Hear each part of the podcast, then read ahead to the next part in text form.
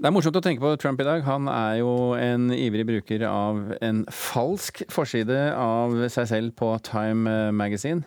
Kanskje kommer den eh, en ekte en nå, Hugo? Han er i hvert fall foreslått som årets navn, men han var det i fjor også. Og han er jeg holdt på å si godt selskap, men det er egentlig kanskje et litt tåpelig uttrykk når vi hører denne eh, fine forsamlingen. Das deutsche Volk.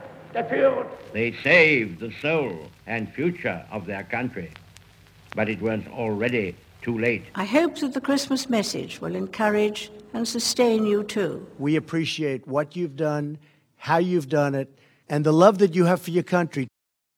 Hitler, Churchill, dronning Elisabeth og altså Donald Trump. Hva de har til felles, alle er blitt kåret til årets navn i Time Magazine. Når USA våkner, blir det kjent hvem som blir årets Person of the Year, som det heter nå. Agnes Moxnes, kulturkommentator i NRK. Trump i fjor, kan det bli ham igjen? Ja, det kan det absolutt eh, bli. Det er ikke uvanlig det at særlig amerikanske presidenter eh, får denne, hva skal vi si, utmerkelsen flere ganger. Roosevelt fikk den tre ganger, eh, og Nixon to ganger, f.eks. Hva slags kåring er dette?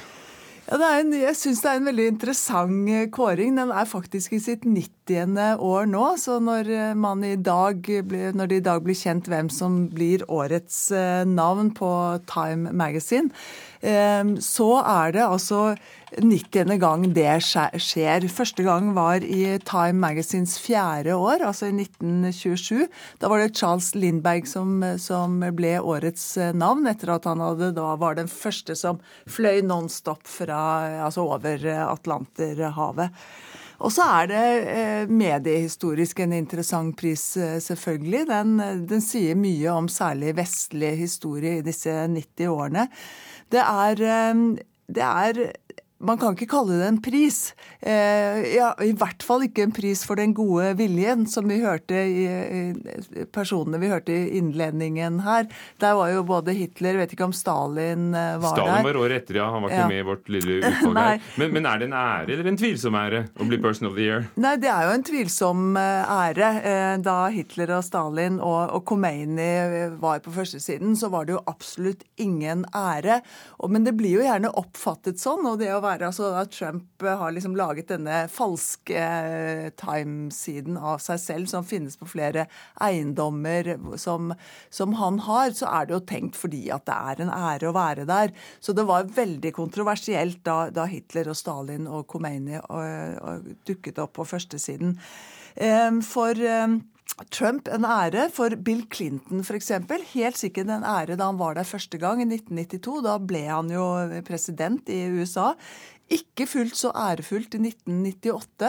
Eh, da var det midt i skandalene Monica Lewinsky og Paula Jones, og han, led jo, han, eh, han løy under ed i Kongressen. Og det er veldig interessant å lese nå den historien fra 1998, om, altså midt i metoo metoo-kampanjen nå, eh, hvor man leser om den siden av Clinton, fordi særlig Paula Jones. Hun gikk jo til sak mot Bill Clinton, mente hun var blitt seksuelt trakassert etter at han eh, hadde tatt henne med inn på et eh, hotellrom som ren Harvey Weinstein-stil og blottet seg for henne. Og, og, og, vant jo ikke frem da, fordi at retten mente at hun ikke hadde varige men pga. dette. Og dette er eh, fortidens navn. Hvem er aktuelle i år?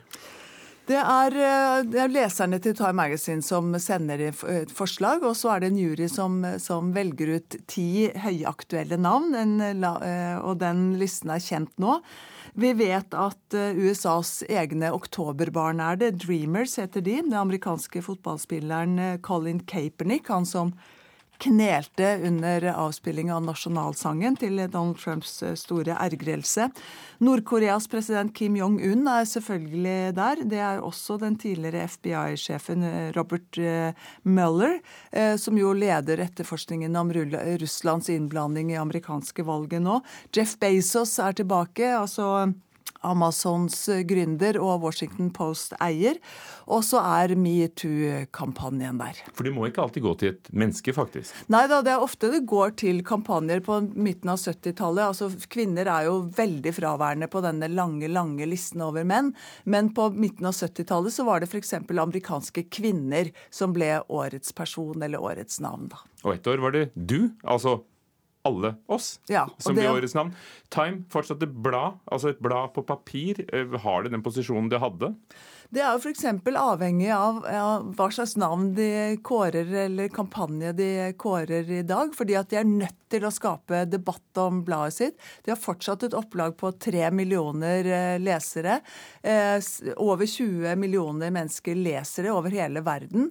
Eh, og det er fortsatt et verdifullt magasin, fordi at eierne, Time Warner, solgte det nå i slutten av november. Og da fikk de den nette sum av 22 milliarder kroner for det. Og om noen timer får vi vite hvem som blir årets Person of the Year. Takk, Agnes Moxnes. En nyhet på morgenkvisten. Den norske dokumentarkortfilmen 'Kayayo de levende handlekurvene' er tatt ut som én av ti førnominerte til Oscar-prisen. Mari Bakke Riise er regissøren, og filmen er produsert av Integral Filmproduksjoner. Karagondini yan shekarshe an ba mun da pa binya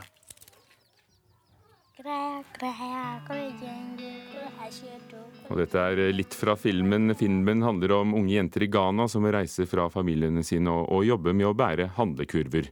23.1 vil det bli klart hvilke av de ti filmene som nå er tatt ut i denne såkalte kortlisten, som vil bli nominert til Oscar i kategorien dokumentarkortfilm.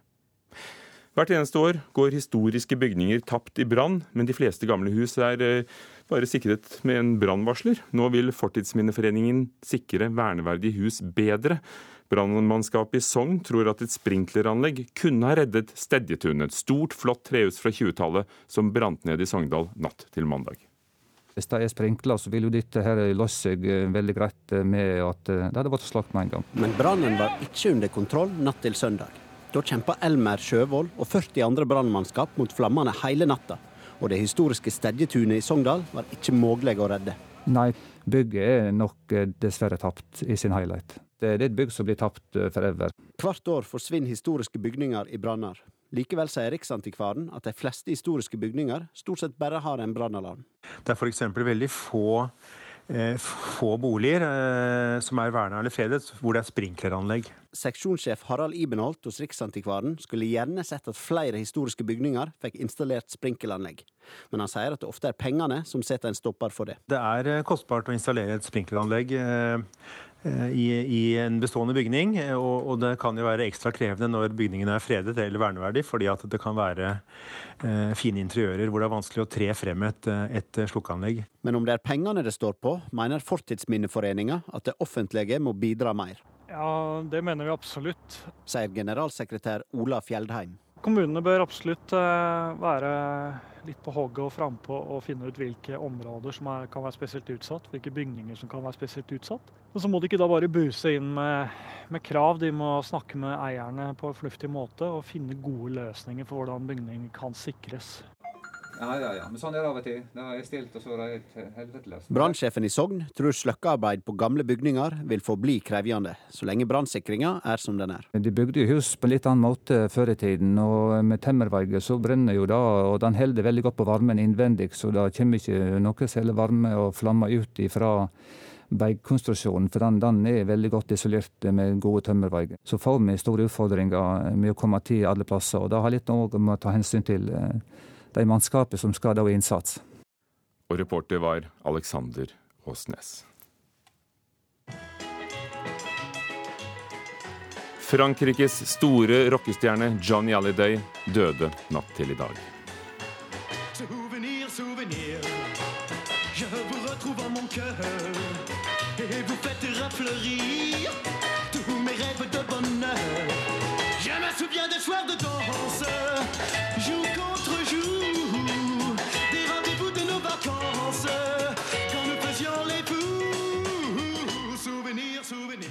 Minner, minner. Wilfred Guillaume, hvilke minner vekker dette? Wow. Jeg må innrømme at uh, det, det, er veldig rart, egentlig. Det vekker mange gode minner. Uh, det er veldig rart å høre at uh, Johnny, som vi kaller han i Frankrike, eller Johnny Hallyday, er gått bort. da. Å få en varsling på, på mobilen midt på natta at Johnny er død, det var nesten vanskelig å tro, som mange franskmenn i dag. Alle er veldig triste, ja. Wilfred Viom, du var redaktør i den franske radiostasjonen eh, Paris Oslo i mange år og har jobbet som musikkjournalist og med musikk i hele livet. Hvordan kom Johnny så nær dere franskmenn? Ja, Johnny uh, er en, uh, en stor uh, en idol i, i, Frankrike. Jeg leser franske, franske, aviser i dag, og vi snakker om Johnny som vi snakker om Eiffeltårnet. Så det er Johnny Hallyday er, berører mange generasjoner. ikke sant? Han startet veldig ung, som 16-åring i 60-tallet. og så Johnny uh, turnerte i hele uh, Frankrike hele sitt liv, er vel veldig nær franskmenn. Han kunne spille for Le Stade de France. Uh, og så kunne spille, Johnny kunne også spille for veldig få mennesker i en liten sal, og etter en konsert gå ut og ta en drink med alle, spandere en drink med alle i en liten landsby i Frankrike. Så Johnny er, betyr veldig mye for Frankrike. Johnny er Frankrike, som skriver også aviser i dag. så det er en, um, ja, en, stor del av Frankrikes historie som er gått bort uh, i dag, ja, absolutt. Vårt siste store idol er gått bort, skriver Le Figaro på sin uh, forside ja. i dag. Han har solgt 110 millioner plater. Mm. Og var jo tydelig amerikanskinspirert. Uh, den franske Elvis blir han kalt, men likevel, hva tok han med seg av den franske chanson inn i rocken? Ja, Det stemmer at han uh, egentlig startet med å tolke Elvis Presley. Ja. Vi kaller han Frankrikes uh, Elvis. Uh, også gradvis begynte Johnny å, å, velge mer å ta den veien med, med å være mer en sånn chanson française-aktig sanger, men veldig, veldig, veldig, veldig rock, da. Han var sånn rockens konge i Frankrike. Også, han har vært veldig flink til å også uh, jobbe sammen med komponister i Frankrike, eller folk som er, uh, som er veldig tekstforfattere, også som representerer den uh, chanson française veldig tidlig i 60-tallet, i 70-tallet, 80-tallet, 90-tallet. så han er en representant for la chanson française, kanskje la chanson française noir, litt mer sånn svart eller rock eller sort. Men han, kan, han, kan, alt. Han kan synge Edith Piaf. Uh, Johnny kan synge Elvis Presley på fransk. Han kan synge ballader. Han har skrevet en veldig fin ballade som heter Laura, om uh, hans datter.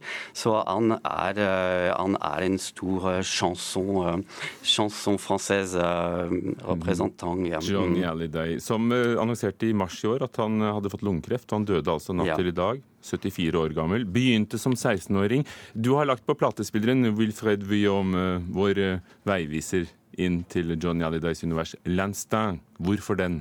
Den, eh, den Lanstin syns jeg eh, det er Johnny. Han, han, var en mann med en sånn veldig instinkt, da.